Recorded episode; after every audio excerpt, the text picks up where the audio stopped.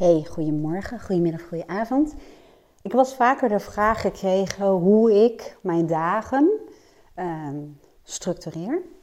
Maar ook hoe ik ervoor zorg dat ik met een soort van, ik noem het maar, overactief ehm, brein of en of een hoogsensitief brein. Ik vind hoogsensitief heeft een beetje een soort van stigma of zo. Een, een, een, een label van oeh, heel gevoelig en kan niks aan en snel overprikkeld. En uh, ja, het is ook um, vaak snel overprikkeld zijn. Ik denk alleen dat de beschrijving snel overprikkeld niet helemaal klopt. Want um, het is vaak niet de kwestie van dat je snel overprikkeld bent. Het is vaak een kwestie van dat je veel prikkels bewust en onbewust, uh, vooral onbewust waarneemt.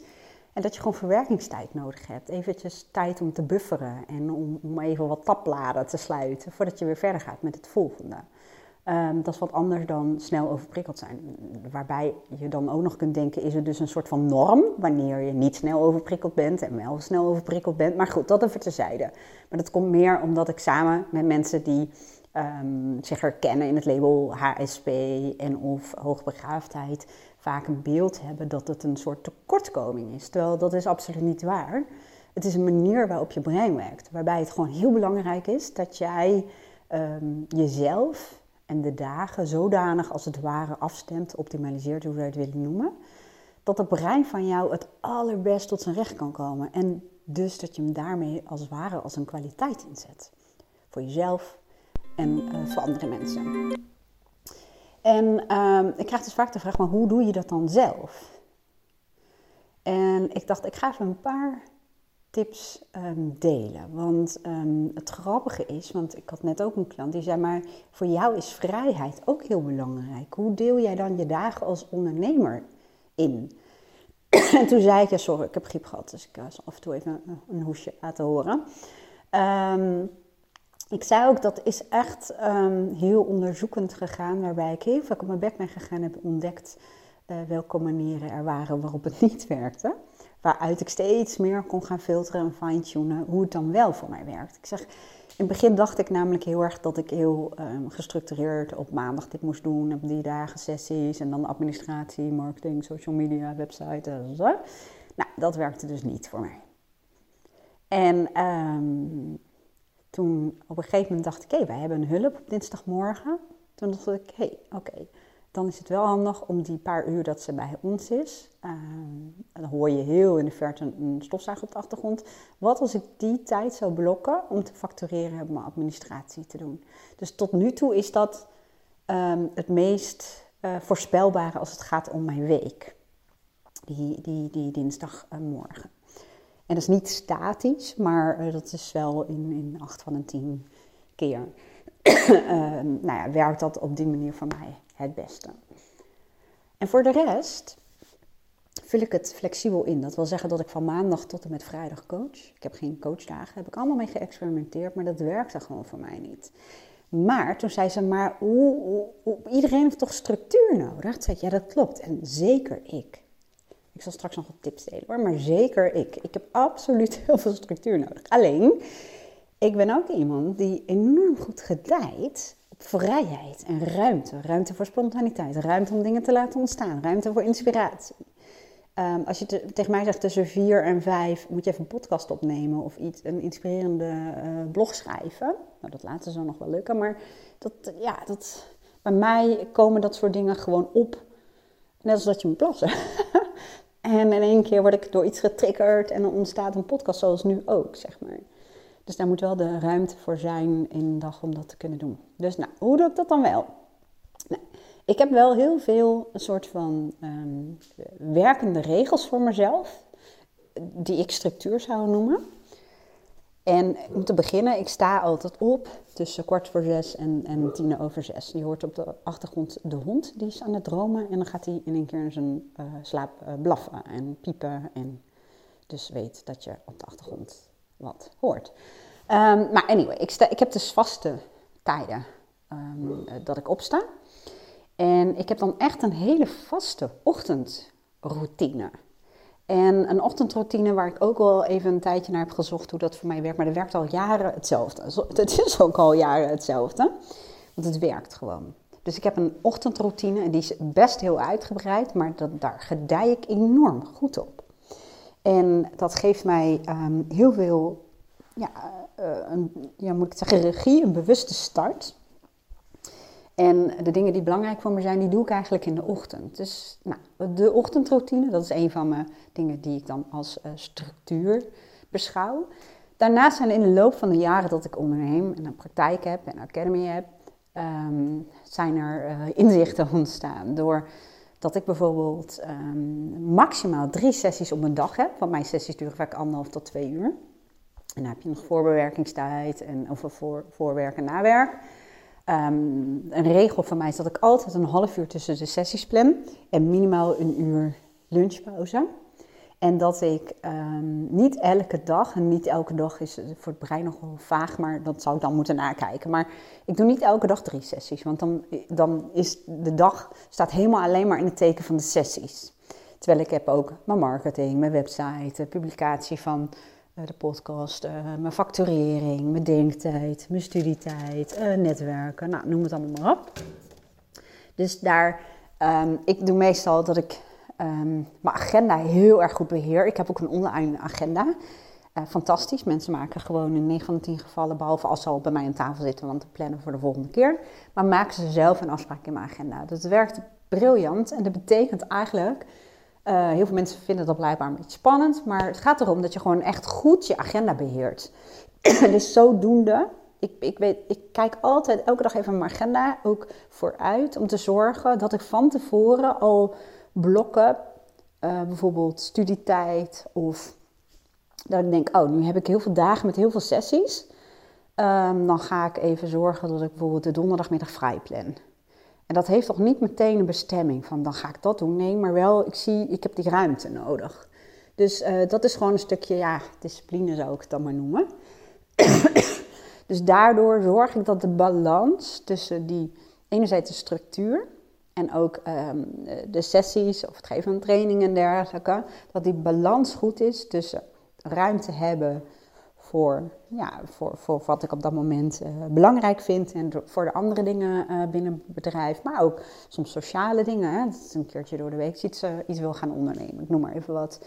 Maar als ik kijk verder naar structuur, dan zitten er heel veel tot op het autistische af, zeg maar, structurerende dingen in mijn dag waardoor het voor mij werkt. Wat, wat is voor mij um, bijvoorbeeld ook een regel? Ik werk veel met regels die heel erg gelinkt zijn aan mijn waarden en aan mijn profiel qua persoonlijkheid. Dus um, voor mij is een regel dat als ik een sessie heb gehad, um, dan bereid ik de volgende sessie uh, uh, voor. Maar dan doe ik alleen tussendoor even iets met mijn handen. Dus dat betekent dat ik even mijn praktijk opruim. Of even de stofzuiger pak. Of even met de hond een stukje naar buiten ga.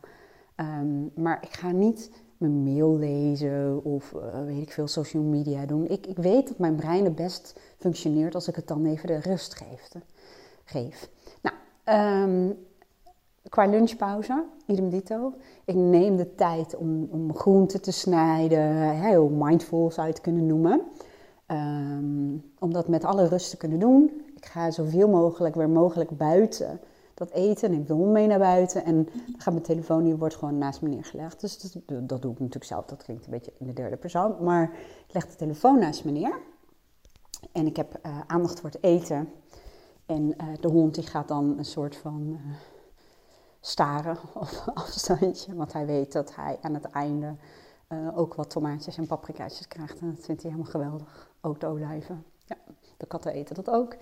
Um, maar ik doe dat met aandacht. En dan luister ik naar de vogeltjes en ik kijk naar buiten. En, en voor mij en mijn brein werkt dit het allerbeste. En uh, ja, dat betekent dus dat je ook echt afspraken met jezelf maakt en die ook naleeft. En voor mij is dat niet zo heel moeilijk. En zeker niet omdat ik merk dat het gewoon werkt. En ik merk ook als ik het niet doe, wat, wat het nadeel daarvan, nadeel daarvan is. Een andere regel, daar heb ik echt heel erg mee geëxperimenteerd. En ook heel vaak op mijn bek gegaan waarop het niet werkte. Ik laat de hond, als ik hem alleen uitlaat, hè, als, als het enigszins licht is na het eten, laat Aaron en ik samen de hond uit. Dus gaan we samen een lange wandeling maken van een uur in elk geval. Um, maar als het in, nog in de periode is dat het wat donkerder is, dat we dat niet na het eten kunnen doen in het bos, dan um, doe ik dat. Maar dan is nu de regel dat ik dat eind van de dag doe. Omdat ik gewoon in de ochtend en in de loop van de middag ben ik het meest scherp. Als ik dan tussen de middag de hond uitlaat, dan uh, voelt dat als verspilling van mijn denkkracht.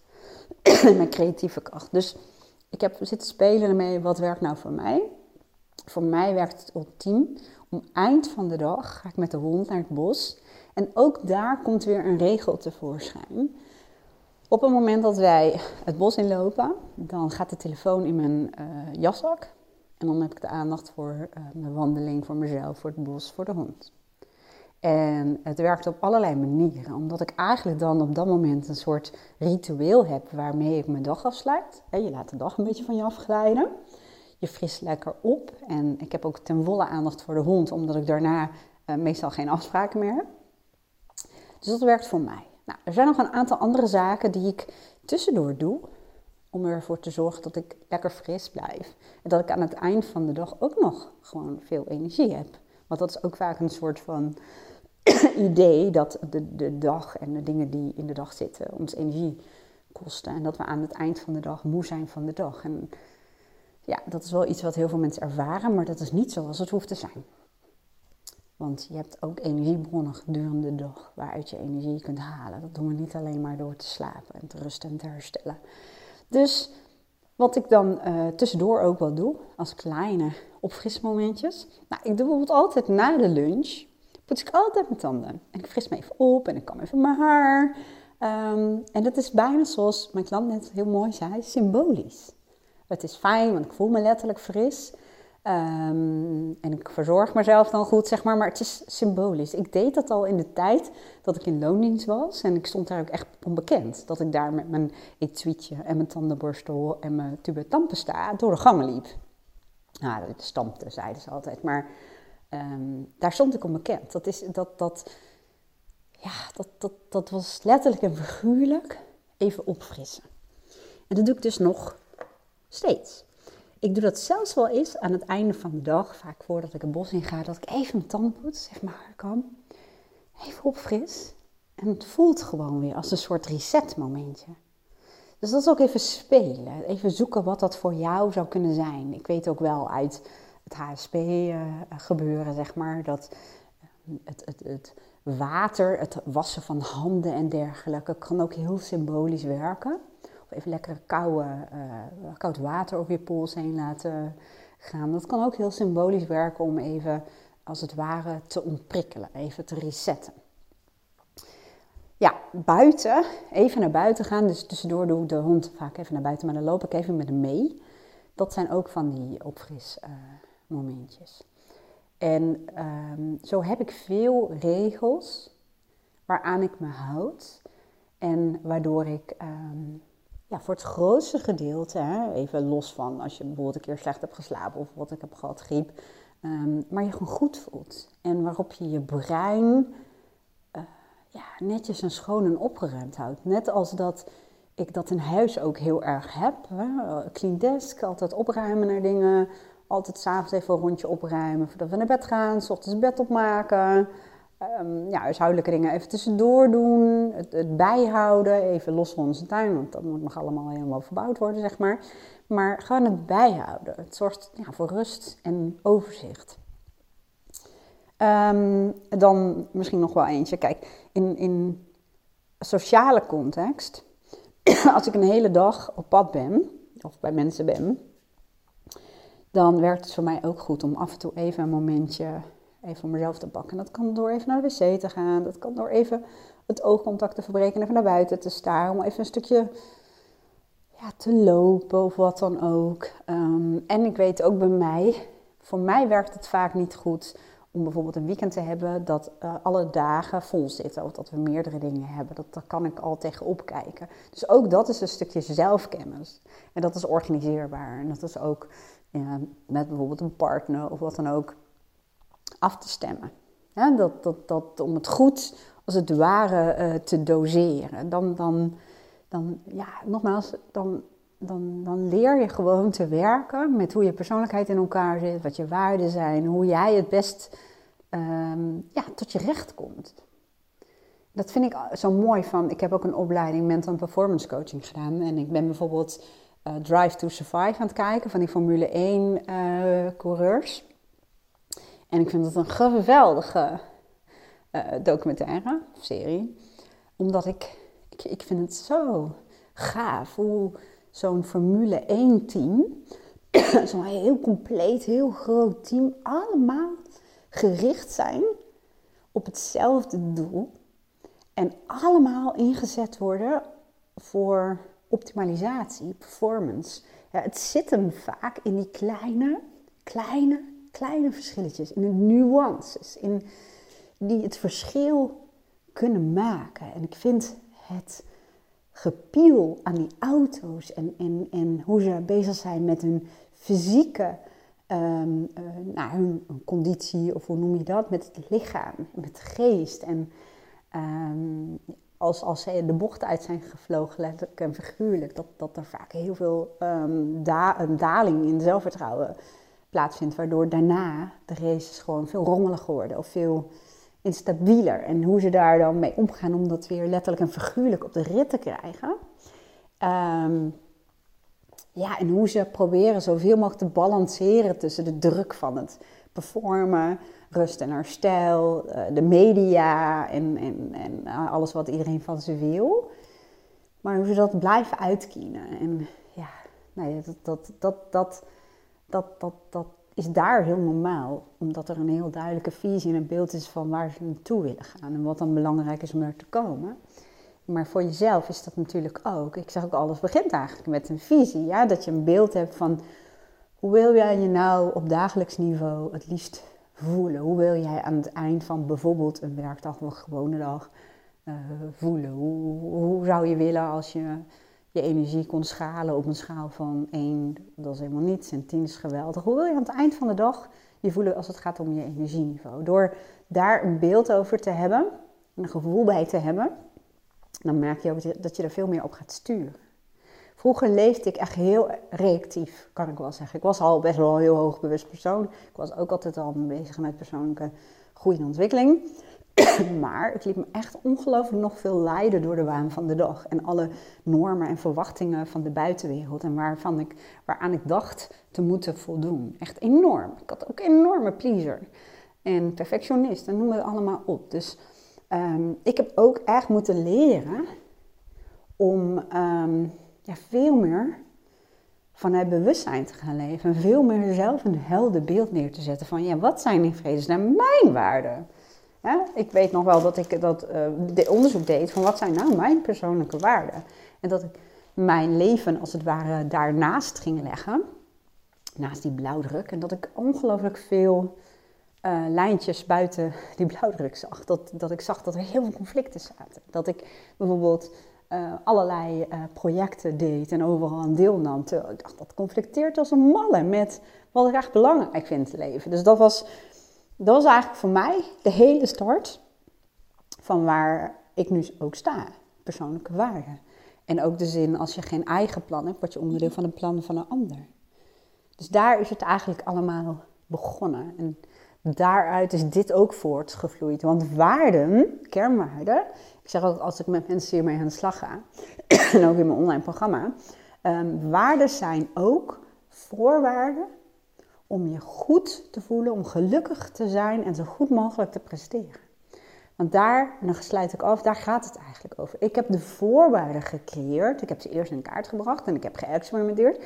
De voorwaarden gecreëerd en ik weet onder welke voorwaarden ik het allerbeste tot mijn recht kom, meest gelukkig voel, voldoening uit mijn leven haal en tijd heb en aandacht voor de mensen die belangrijk voor me zijn en de dingen die belangrijk voor me zijn, de dingen die ik graag doe.